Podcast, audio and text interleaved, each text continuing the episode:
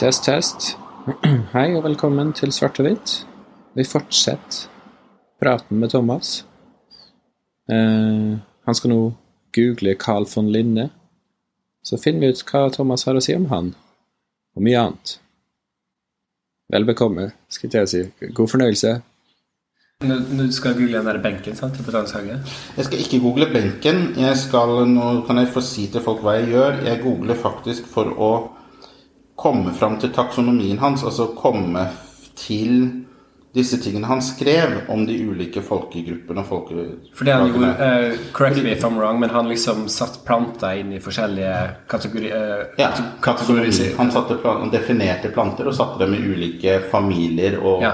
ulike forhold. Men så Og så gjorde har han liksom også det samme for som mennesker. mennesker ja. Som i seg selv vil man kan jo si at det er, er rasistisk i seg selv. For han delte jo faktisk mennesker inn i raser. Ja. Men eh, hvis man skal liksom være da snillere og si at ja, men du er ikke nødvendigvis rasist hvis du gjør det Derfor vil jeg bare at folk som igjen aldri googla La oss bare se på hva han sa om de ulike folkeslagene. Mm. Hva for Linne sjøl.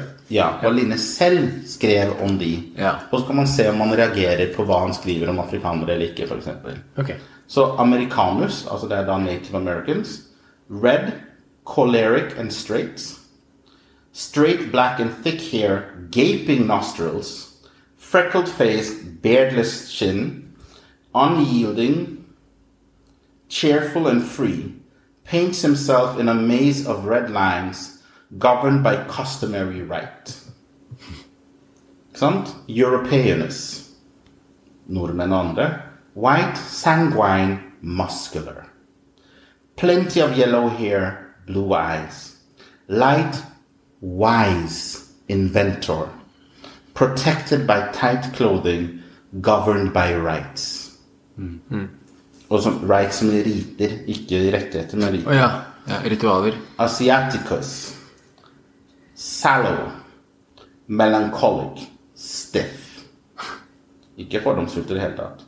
Blackish hair, dark eyes. Stern, haughty, greedy.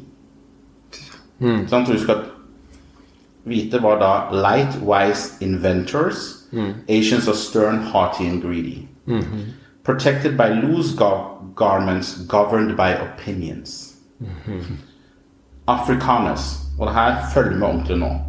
Black, phlegmatic, lazy. Phlegmatic betyr full av slim. Ok. Ja, så black, full av slim, lazy. Dark hair with many twisting braids. Silky skin, flat nose, swollen lips. Women with elongated labia. Så nå snakker han plutselig om kjønnsorganene til kvinnene. Legg merke til han gjorde ikke det på noen av de andre folkeslagene. Og da kan du også lure på hvor, hvordan hadde han innsyn i dette. Og dette handlet om disse human zoosene. Disse belgiske og sånn menneskelige dyrehagene hvor svarte kvinner var på utstilling. Hvor man spesielt spredde beina deres og så på kjønnsleppene deres. Og hvor du også kunne ligge med dem. Det er måten liksom denne informasjonen går inn og er liksom korset. ikke sant? Breast lactating profusely. Så det bare renner melk fra puppene deres hele tiden.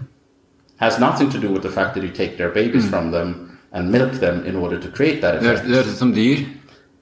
Litt. Det er Litt grann dyrebeskrivelse. Sly, sluggish, neglectful. Så igjen, la oss lese opp, la oss lese opp europeere. Light, wise, inventor. African, sly, sluggish, neglectful. Anoints himself with fat. Governed by caprice. Caprice. Uh, instinkt eller whim. Ja. Altså bare Det som skjer, skjer. Mm. Sånn den derre easy go lucky svarte mannen som henger på gata og vet ikke, har noen planer og alt noe. Det er liksom, Dette er hans bidrag. Ja. Og man har en diskusjon om hvorvidt han var rasist eller ikke, og hvorvidt intensjonen var eller ikke. Og i hele den diskusjonen, liksom som gikk, blant såkalte fagfolk, så er det ingen som går til hans egne skriverier og refererer. Og det er da man sitter på sidelinjen noen ganger og sier Oh, come the hell on. Liksom, Can we end the circus? I don't remember buying a ticket. Det burde jo bare være copy-paste det du leste nå, og så er debatten ferdig. En, hvordan, hvordan svarte mennesker Men jeg historisk syns det er greit at benken er der. Jeg setter meg gjerne på den, og jeg fjerter litt også. Altså det, det er mitt forhold til den. Så jeg, vil si at jeg er ikke så veldig engasjert i hvorvidt benken er der eller ikke. Det plager meg ikke mye. Jeg har ikke overskudd i livet for man har til nok å andre kamper. over det. Det viktigere ting. Men hvis man først skal diskutere han og sånn, så syns jeg det er uforsvarlig måten man går til forsvar for en del ting Men- som en ryggmargsrefleks. Å skjule seg bak kvasifaglighet. Det er igjen hvordan eh, europeere, uh, hvite mennesker, kobles opp nærmere kultur, svarte mennesker nærmere natur. Og det er jo, uten å dra inn idrettsdiskusjon, så det er jo noe vi har sett i særlig fotballen nå, hvordan uh, hvite kommentatorer Altså, jeg forundrer meg stadig. Til, altså sånn, det er så naturlig for dem, og selv om det ikke er relevant engang, å kommentere de svarte spillernes fysikk. Beist. Ja, men og på mange måter. Og det er Det, bare, det viser jo at eh, Jeg sier ikke at norske kommentatorer er som Carl von Linné, men at arven og at vi er fortsatt påvirka av det.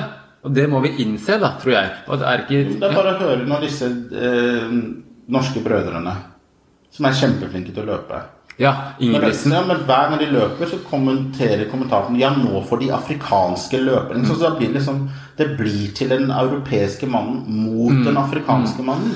Istedenfor at det blir utøver mot Jeg utøver. tenkte- jeg tenkte og så videre. Altså det, og det, man nærmer seg noe som har en bismak.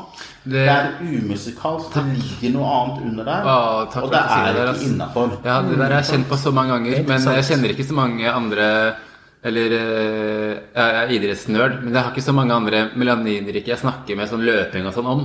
Men det er bare det at noen andre sier det, er liksom Eller det er i hvert fall Det er, det er, det er ikke anledning til det. Bolt nevner det selv. Altså, Ja. vi, kjenner, vi kjenner Bolt litt. også fordi altså, familien er sjamaikanere og trinidadere. Mm. Men også når Bolt har vært her i Norge, så har han møtt den norsk-karibiske uh, delen av befolkningen. Mm. på en måte. Uh, han, han har kommentert på det. Sant? Han er liksom født til å løpe, Mm. mens de han løper mot, er så disiplinerte og jobber så hardt. Men det er akkurat eh, fotballdiskusjonen. Samme greia. I Ja, Molde, jeg, jeg jobber jo med dans, og vi opplever det jo hele tiden. ikke sant? Eh, fordi vi får liksom komplimenter. Ja, dere er jo født med rytme. Ikke sant? Dere gjør, ikke sant? Og da, det blir, da blir det omdefinert til at ballettdanserne og de andre de jobber så Hardt hardt arbeid, for å gjøre det de gjør, mens vi er bare født sånn. Eh, når vi underviser på Kunsthøgskolen f.eks., som er da noen av Norges beste dansere, så får ikke de til vår oppvarming. Og jeg sier, mener ikke det nedsettende, Nei. for de har ikke det grunnlaget. Nei. Poenget mitt bare er at det er trening. Det er teknikk. Å skulle jobbe polysentrisk, som betyr at flere kroppsdeler beveger seg samtidig. Brystet i én retning, hoftene en annen. Føttene kan ha én til og flere, men la oss, la oss nå forenkle og si at føttene dine har én rytme. Ja. Hoftene dine har en annen. Skuldrene dine har en. Nå ser ikke de hjemme uh, meg, men hvis jeg gjør sånn, da Rister på skuldrene. Dere hører at jeg gjør det. Ja, ja. Og så snur på de, eller velger å slå med de og riste de samtidig. Hvis du kan riste på skuldrene, så skjønner du at når jeg rullerer de, Ja. så må jeg faktisk skifte hvilke muskler som vibrerer. For jeg kan ikke vibrere de samme musklene i den stillingen som den stillingen. Så jeg skifter hvilke muskelgrupper som vibrerer seks ganger på en runde. Og må kalibrere det sånn at det ser ut for deg som om ristingen er jevn. Og så kan jeg da ha én rytme som jeg da dobler for å riste skuldrene. Og så kan jeg slå en annen takt med skuldrene mine samtidig. Den type trening og kroppsisolasjon, og dette kan jeg gjøre mens føttene følger enda en annen rytme osv. This is hard work. I wish I woke up this way. For jeg kan ikke det. Faren min kan heller ikke det. Ikke sant? Ja, men det, er bare sånn eh, Men sånn- afrikanere er bare født til å gjøre det. Fordi afrikanere kom uten kultur, skjønner du. Ja, men det var, så, det var akkurat sånn her folk i Molde sa om afrikanske spillere som spilte for eh, Molde fotballklubb. Det var altså sånn Makta Tione tar av seg skjorta etter kampen, liksom går og den kroppen, sant? Sixpack og kjempemuskuløs. Men det, han, dev, han får det bare gratis, han. Ja. For det er bare sånn de er. Ja. Eller hvis Stian Ord på en måte tok av seg kroppen, og den eh, overkroppen bare sånn Han trener sjukt mye, altså. Han trener så mye. Du, han er jo i gymmen hver dag. Det var sånn, ok, så respekt. Bra.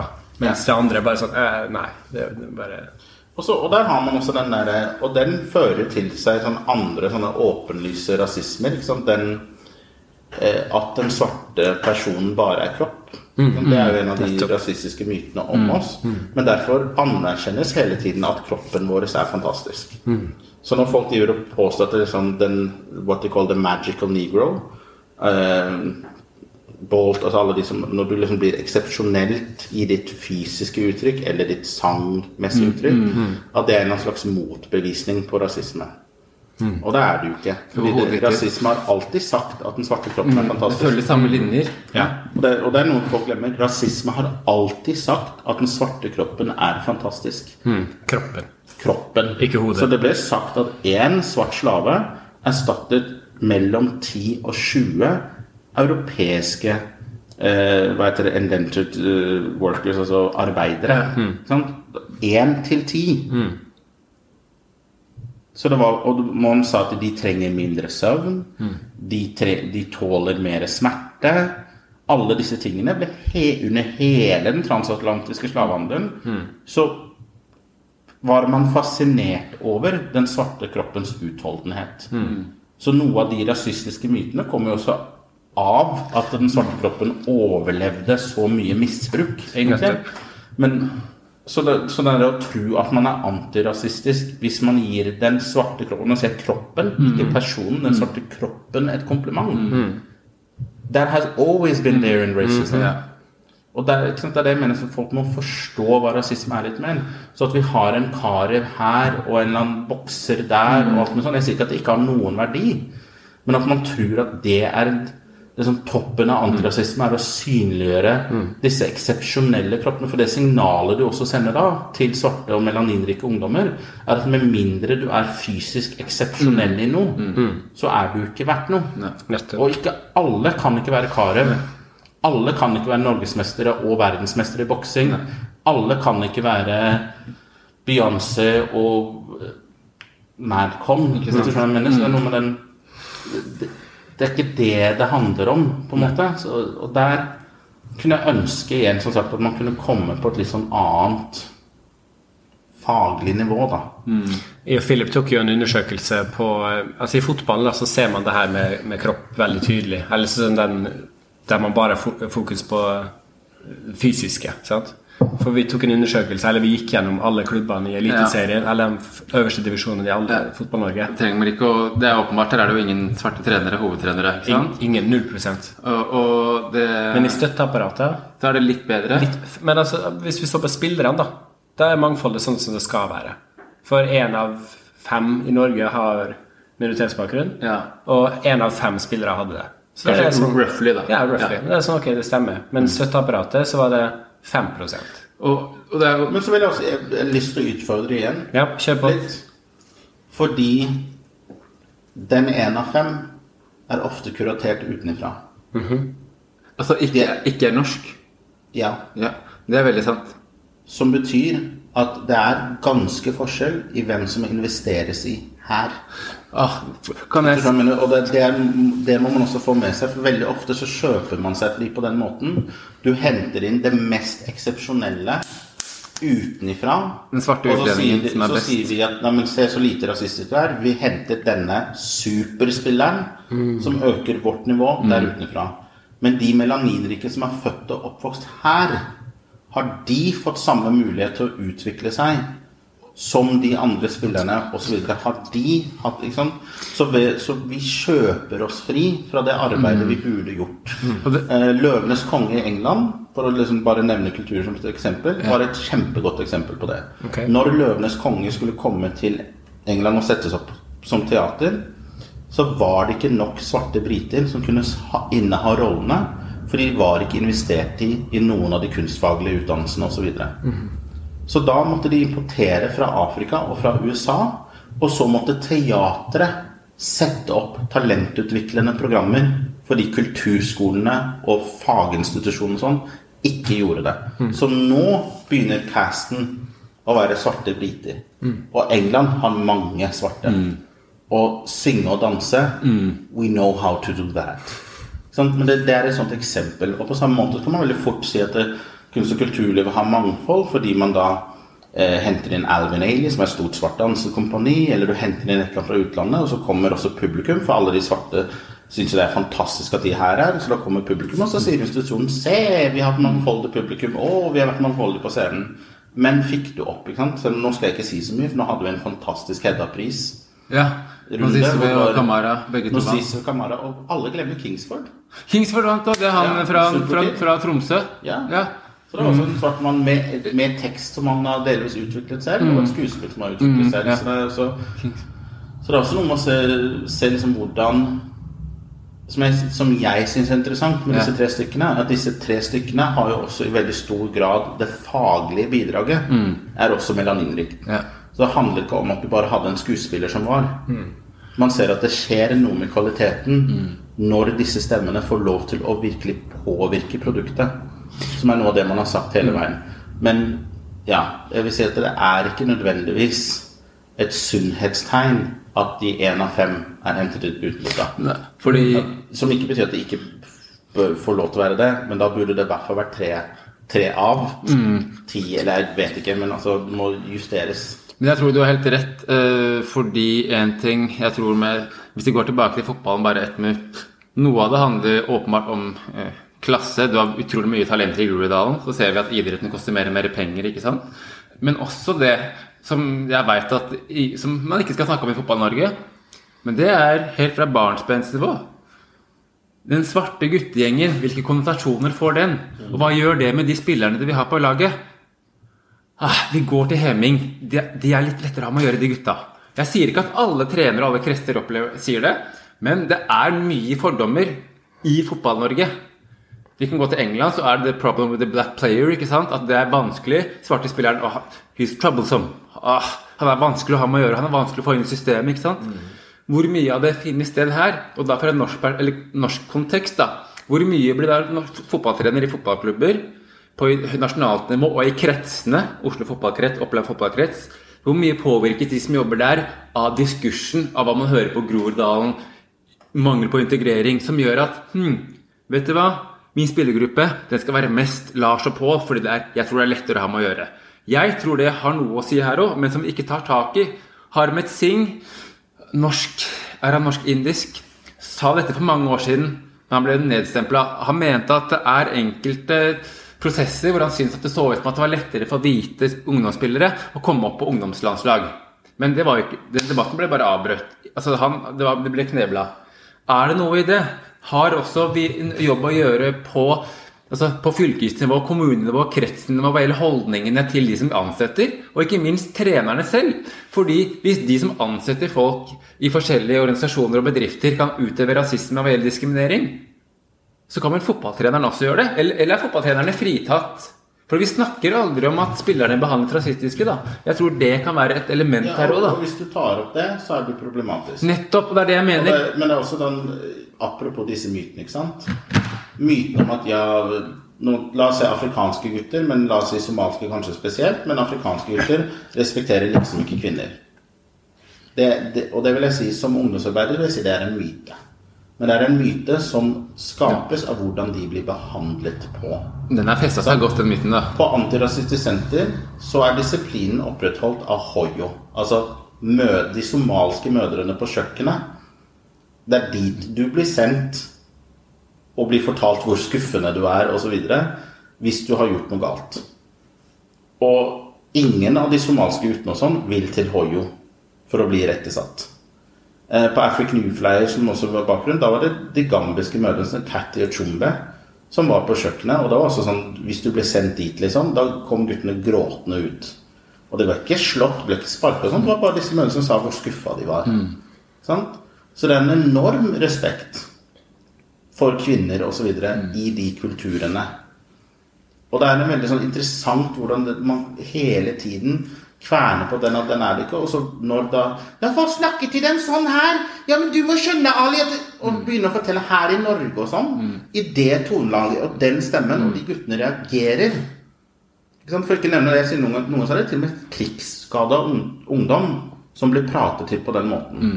Hvis du møter krigsskada ungdom med posttraumatisk stress, med uthevede pupiller, skrikestemme, og du vibrerer fordi du er trigga med adrenalin, og så forventer du at de skal rolig møte det. Det skjer jo ikke. Men det skjer fordi du er inkompetent, ikke fordi de er patriarkalske og fordomsfulle. Så det er noe med igjen Du hele tiden skylder på offeret. Fordi du er den profesjonelle part. Og det, det går jeg veldig ofte inn og sier. Du er den profesjonelle parten. Du er den voksne. Du må nullstille deg.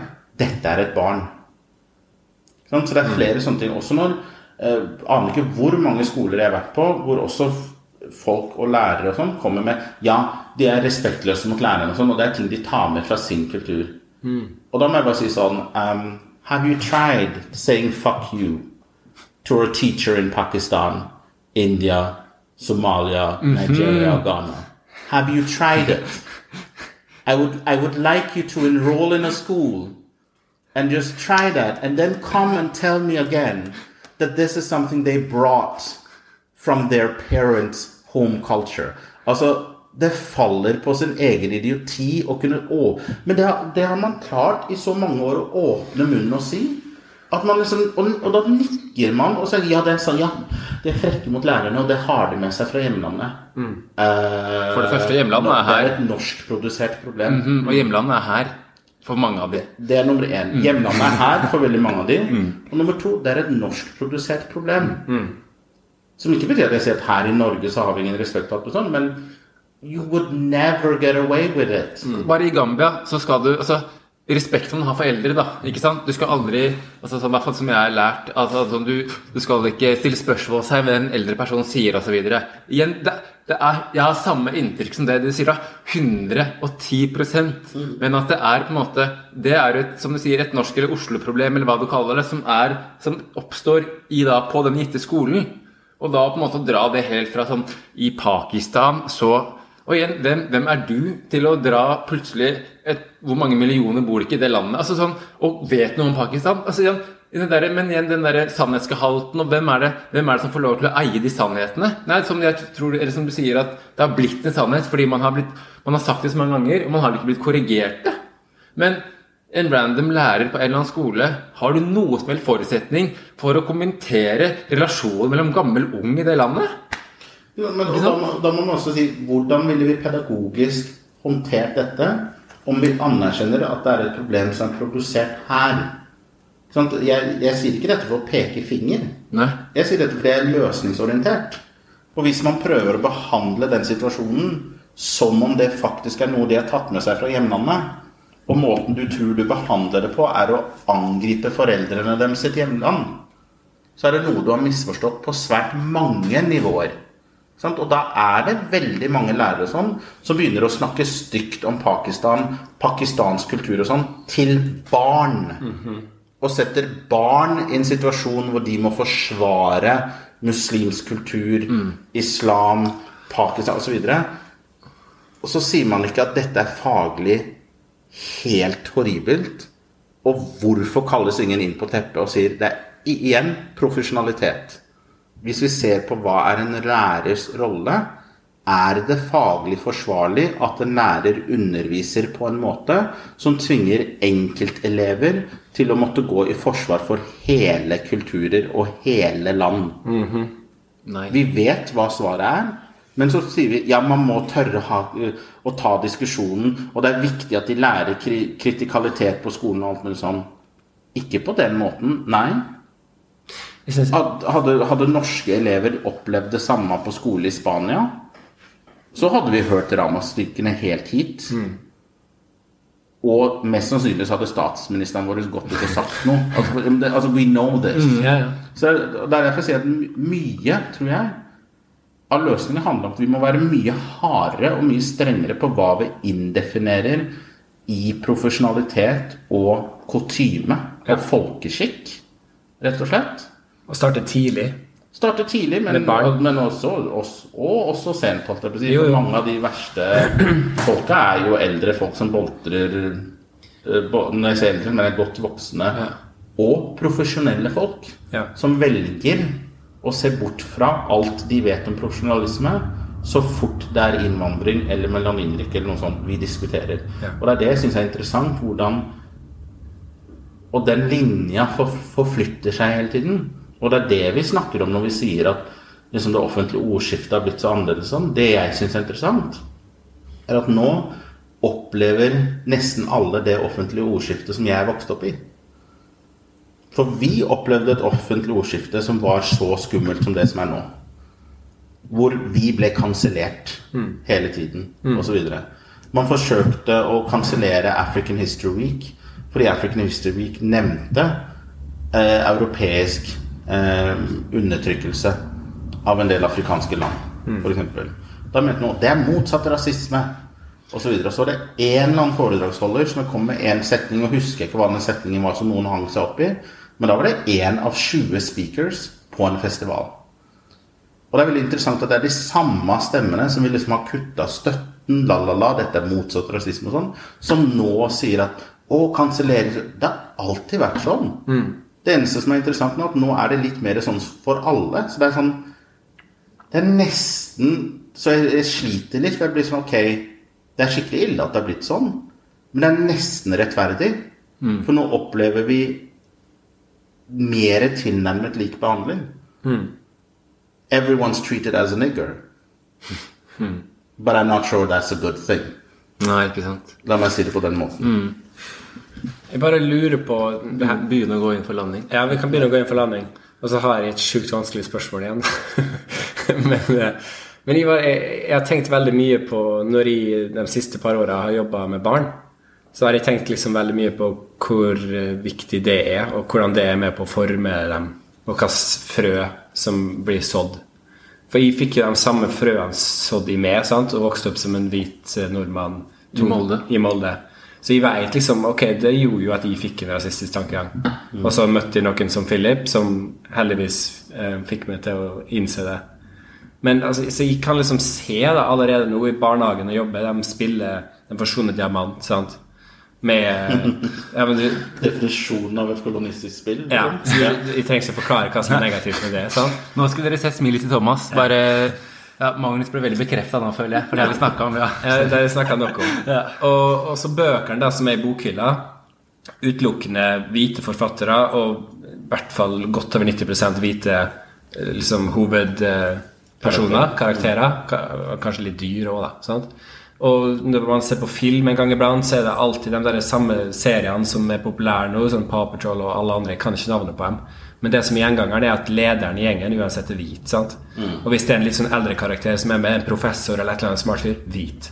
Alltid lærer hvit. Altså, skjønner du hva jeg mener? Bare når jeg har fått på meg de brillene her da, og ser hva barn blir planta med allerede fra tre, fire, femårsalderen altså, sånn, Tenker du at vi Det må blir, gå verre, det blir verre når man også begynner å se på at de mørke karakterene ofte blir gjort slemme. Ja. Altså Hver gang noen er slem, så blir de gjort mørkere. Ja. Og så får de svartere trekk eller mer arabiske trekk. Så det er også en sånn Og så gjøres de også feminine, og sånne ting sånn som Jafar osv. Så, videre. så er det er flere sånne ting som går igjen. Eh, men altså, dette er, det er jo viktig, og er liksom noen av de diskusjonene man må ta. Altså Brown versus Board of Education. Eh, Kan du si det på nytt? Brown versus Board of Education. Det er den rettssaken som desegregerte amerikanske skoler. ja. Da gjorde de det som heter et Dahl-test, hvor de da hadde svarte barn og hvite barn. Ja. Som fikk to dokker presentert. Ja. Hvor de ble spurt hvilken dokke de foretrakk. Ja. Og også hvorfor. ja. Og da, Det som var avgjørende for den saken, var at de svarte barna også valgte den hvite dokken. Nettopp. Dette studiet har blitt gjort i Norge, og det har blitt gjort i Danmark. Så har man gjenskapt de med dårligere resultater enn på 70-tallet i USA. Bare så det er sagt. 60-tallet. Hjernevasking eller indoktrinering. Mm. Internalisering av rasistiske holdninger. Ja. Eh, og det er, også, det er også en del, ikke sant. Eh, melaninrik, det ordet lagde vi jo. Det kommer jo fra Tabanka. Eh, og det er pga. vårt barne- og ungdomsarbeid hvor vi reagerte veldig på at eh, minoritetsbegrepet hadde blitt normalisert på barn. Så man forventet at barn skulle ha en identitet som minoritet. Og minoritet betyr jo mindre, og eller betyr noen med avmakt. Altså noen som har mindre makt. Det er det det betyr. Ikke, altså, du har enten mindretallet, men du har også mindre makt. Så en gruppe som kan ha eh, flere antall, men lite innpass, blir også kalt minoriteter. Og da kan folk slå opp når de slår opp definisjonen av minoritet. Eh, Vi syns det er horribelt, og man vet det selv. Hver forelder der ute vet at det ikke klinger musikalsk ut barna deres kommer hjem og sier 'mamma' eller 'pappa, jeg er en minoritet'. Så vi lagde ordet melaninrik fordi vi trengte et ord som kunne skape en positiv identitetstilhøring. Ikke sant? Som ikke har, og Noen syns ordet er pompøst, og alt noe sånt. Vær så god, sier jeg bare da. It's not, then it's not meant for you. Det er derfor også det fra oss aldri har vært noen forskyldning rundt ordet. Vi har sagt at vi bruker dette ordet. You're welcome to it. Se om det fungerer for deg. Så Derfor så er det veldig interessant å se hvordan det plutselig bare har eksplodert og blitt tatt for mye bruker det, bruk. jeg bruker det hele tiden. Fordi, og det er, det er fordi hva det gjør. ikke sant? Det var et ord som ble lagd for å gjøre noe. Eh, det skal kommunisere noe positivt. Det kommunis, kommuniserer en slags eh, ønske om å ikke støte. Ikke sant? Så when in doubt. Fordi noen kan føle seg mer og mindre truffet av ordet, eller at det liksom sterkere eller svakere tilknytning, men få bli støtt av det. Så forskjellen på å bruke svart eller neger for svart I min generasjon så var svart liksom ordet som ble anbefalt. Men det ble, slo aldri helt an, fordi det høres hardt ut. Og svarting og det, er- det er så nærme andre begreper som ikke nødvendigvis er positive. Melaninrik var uten innhold, en slags. Og derfor også uten bagasje. Så du kan starte en slags på ferskag for å få samtalen videre. Sant? Så, det blir sånn, så hvis man bruker det ordet, så kan bare samtalen flyte pent videre nedover elven. Og så kommer du til alle disse andre profesjonaliseringsdiskusjonene mm. og sånn som du trenger å komme til. Og så kan det tenkes at om noen år så kommer vi tilbake igjen og sier folk å herregud, det var et utrolig teit ord. Nå bruker vi det her isteden. og Sånn. Det skal skje. Det må, altså det, samfunnet er i utvikling. Språket må være i utvikling. Men det handlet igjen om denne samme behovet for at vi må skape positive identiteter. Vi må gi folk tilgang. Det skjer noe i danseklassene og skoleklassene når vi begynte å bruke ordet melaninrik. De rettet seg opp. De begynte å smile. De smakte på ordet. De dansa. De løp for å fortelle mamma og pappa at de var det. Ikke sant? Du så det, det, og det var, liksom- det var bare å prøve det én eller to ganger, så skjønte man ok, this is something. Dette har en positiv effekt. Og også for blanda familier. Familier med flere arv. Sant? Pappa er svart, mamma er hvit, du er brun. Den kategoriseringen Og vi glemmer at det er ikke helt Når jeg sier normalt, så mener jeg ikke at det er unaturlig, men veldig ofte måten identitet bygges på, handler jo også om å ligne på mor og far. Mm. Så det er flere barn med dobbelt arv som i fireårsalderen rundt der begynner faktisk å gå inn i en slags liten sånn identitetsdepresjon. Veldig mange foreldre som har mixed barn, Ja. sliter med det fordi de tar på håret til mamma, tar på håret til pappa, og så begynner de å grine. Fordi man Fordi de har ikke, du har ikke håret til pappa, du har ikke håret til mamma. Så det oppleves faktisk noen ganger som opprivende for den unge identiteten å ikke ligne på den ene eller den andre. Melaninrikhet er en mer flytende skala. Og da kan det være sånne, sånne samtaler som man kan rulle litt med øynene av. Sånn, ja, 'Pappa er kjempemelaninrik, og du er litt melaninrik.' Og mamma blir litt mer melaninrik på sommeren. Ja. Så kan du rulle med øynene for det. Men for den unge som trenger å definere et vi, et fellesskap, så er det en mer flytende og åpent rom enn disse ganske harde boksene med svart, hvit, brun f.eks. Å skape det rommet hvor den identiteten kan få lov til å boltre seg i sin dynamiskhet, på en måte, det er viktig. Nå brukte jeg veldig mange ord for å komme Nei, dit. nei, det, er viktig, det er viktig å ta altså, melaninrike barns opplevelser på alvor, selv om store deler av samfunnet ikke kan kjenne seg igjen i det. Ja, og, også denne, og at man ikke nødvendigvis problematiserer det. Altså, det merker jeg også selv som har vokst opp som dobbeltarv eller mixed, whatever you want to call it. Hvor folk blir sånn, sånn Ja, hva føler du deg mest som? Ja. Sant? Og, det, og jeg måtte bli ganske voksen før jeg ble irritert nok til å si Hør, da. Jeg våknet sånn her. Jeg, jeg vet faktisk ikke. Jeg har aldri vært noe annet enn kvart Trindad, kvart av, Amerika, halvt norsk. It is the most natural thing for me. Det ville vært helt unaturlig for meg å være noe annet. Så like naturlig som det føles ut for deg å ha en far fra Bergen og en mor fra Østfold, liksom, føles det ut for meg. For me, it has never been a problem. For omverdenen så har det vært vanskelig. Og igjen pga. en mindreverdighetskompleks så blir det så interessant for folk å spørre om jeg føler meg mer karibisk eller mer norsk osv. Um, unless I commit an act of terror, it's really a non-question. Ok. Er Ganske fint å avslutte på det, Ja. egentlig. Med terror? Nei. Ja, jeg har lært um, Veldig jeg, jeg blir nesten jeg, jeg har lært så mye. Og jeg tror uh, det her har vært fint av mange årsaker, men også bare for å innse hvor mye jeg ikke vet fortsatt, og mye, mange refleksjoner du har. Jeg, altså, nå skal jeg, det skal ikke bli noe sånn liksom uh, jeg Bare tusen takk, altså. Jeg, jeg, jeg, jeg har fått masse perspektiver. Men det er, det er også hyggelig at du sier det, fordi det er jo dyrekjøpt kunnskap. Ja. Og det har jeg også begynt å eie, at det er, det, dette er dyrekjøpt kunnskap. Mm. Det er mange, mange år i skuddlinja. Ja, det er mange, mange år i trykkokeren. Ja. Som gjør at, og det har en kostnad. Sånn, det er mange av oss som har vært utbrent i mange runder. Mm. Det er ikke ikke-skadelig. Så det at Nei. det som man sitter igjen med, det distillerte etter å ha blitt kokt så hardt, holdt jeg på å si, at det kan ha en verdi for andre. At Mm. Ja, ja. det kan gjøre veien kortere for andre. Ja, ja. Det er faktisk viktig for oss. Fordi hvis ikke så har vi ofret veldig mye og sitter igjen med veldig lite. For det er en ganske ensom reise. Veldig ofte så er du den ene som er utsatt. Og så er det folk som på en måte kanskje møter deg på gata og sier 'Å, den posten du kom med for to måneder siden, den var kjempefin'. Men de trykka ikke like. Mm. De skrev ikke. Og de skrev Og nå, nå har et, etter Black Lives Matter så har jeg sett en del har blitt flinkere til å innbokse. Til å si 'Jeg setter pris på at du tok opp det her'. Ja. Men veldig ofte, og før sosiale medier, så var du dønn alene. Da var du på debatt-TV, og så var det du møtte, var de illsinte folka som skreik til deg at du ikke var norsk. Fordi mange var for redde til å støtte deg og sånn, og det var ekstremt ensomt. Å skulle være den utsatte som møtte galskapen, literally. For det er folk som er liksom helt eh, kan velge å klippe den eller ikke, men jeg skjønte Nei, nei. Når jeg skjønte at jeg ikke forsto rasisten, Ja. da hadde jeg nesten hadde jeg diskutert rasisten i 18 år. Og det var en episode da gikk jeg på Grønland og hørte på musikk.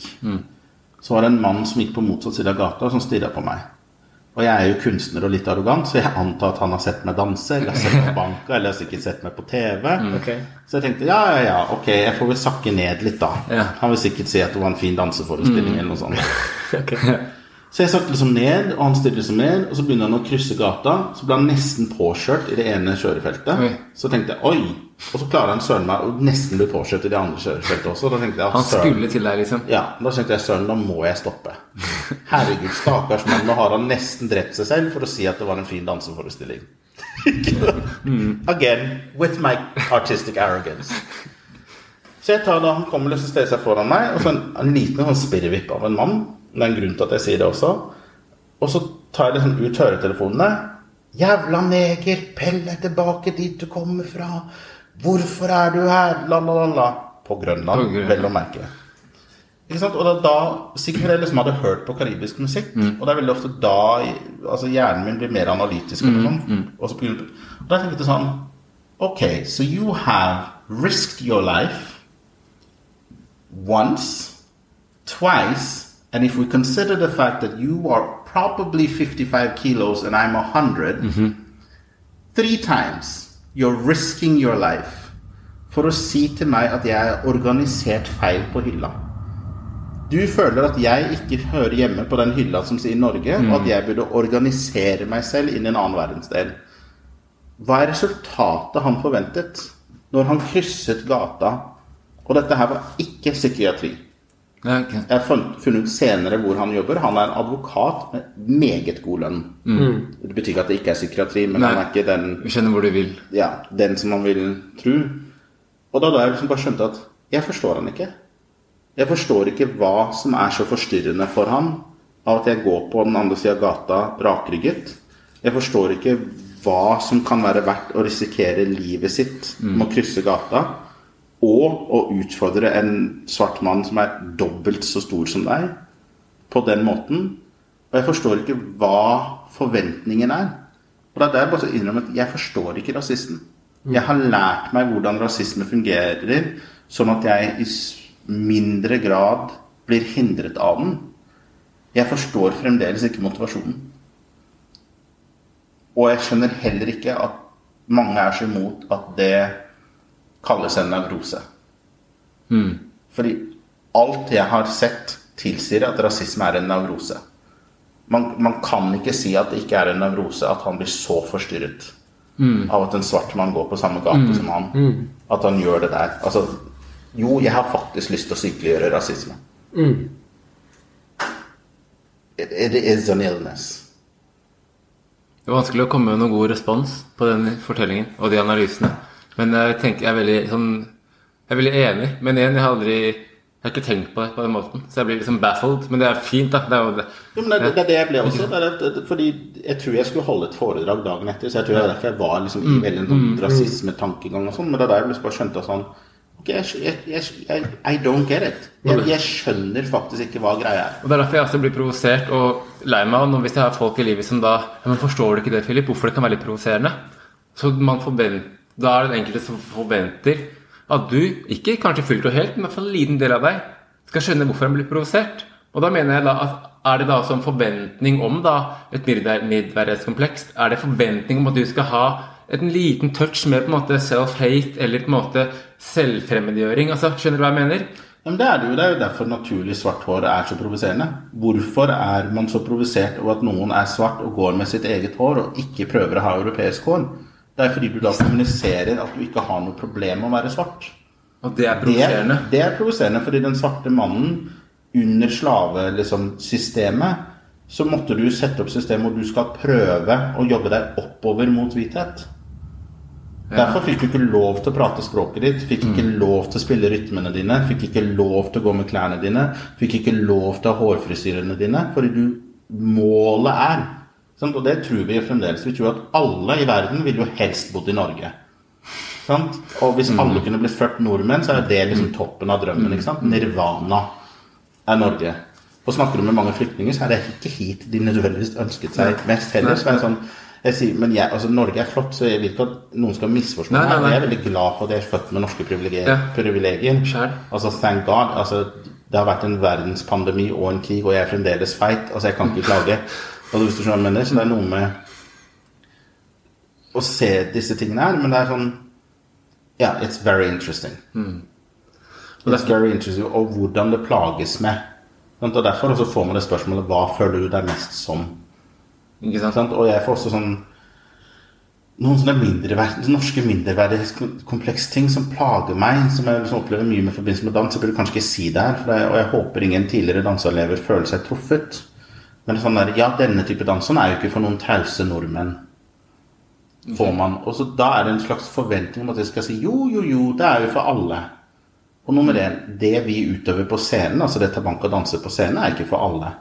Nei. Samme som ballett er ikke for alle. Da, da, ballett er en ekstremt disiplinert hardtrening for atleter. Den formen som vi danser når vi danser på operaen og sånn, er også en form for afrikansk og karibisk dans som er eh, på elitetrente kropper. Det er ikke for alle. Men det fins afrikansk og karibisk dans som er for alle. Ja. Det er jo det som også er så flott med det. Sånn, så det er noe med hva, hva, er du ute etter når du sier det, men også sånn dette er ikke for tause nordmenn. Hvor, altså, det er ikke for trause sjamaikanere heller. Det er ikke for trause mennesker, egentlig. Ikke sant? Så det, det er en sånn rar mindreverdighetskompleks-ting, men hvor du også prøver å tvinge den andre til å skulle validere deg på en måte som degraderer dem selv. Fordi du må senke terskelen for hva afrikansk og karibisk dans er, og du må si at det er åpent for alle. Så den andre kulturen skal alltid være allemannseie. Og så er sier man sånne ting som 'ingen kan eie kultur'.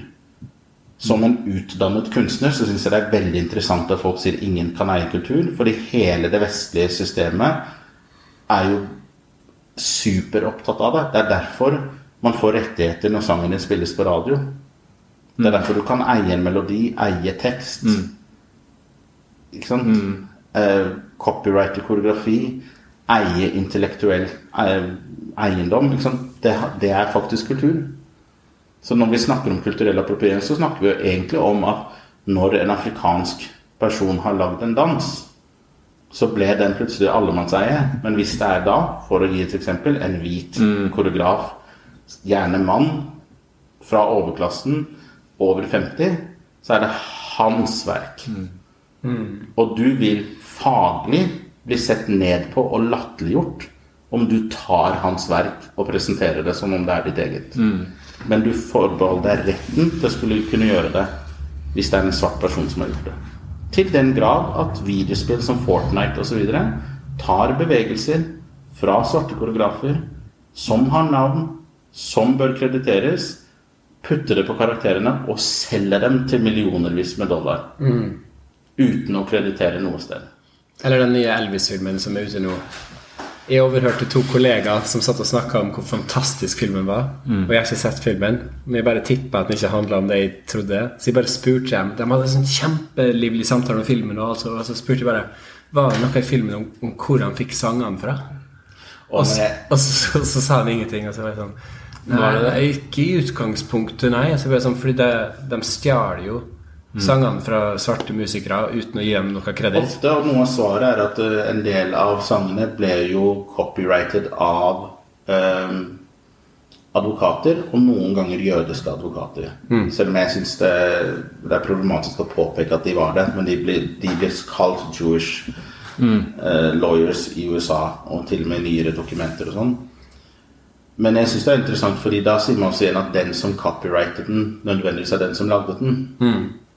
Og i et segregert Amerika så var det ikke slik.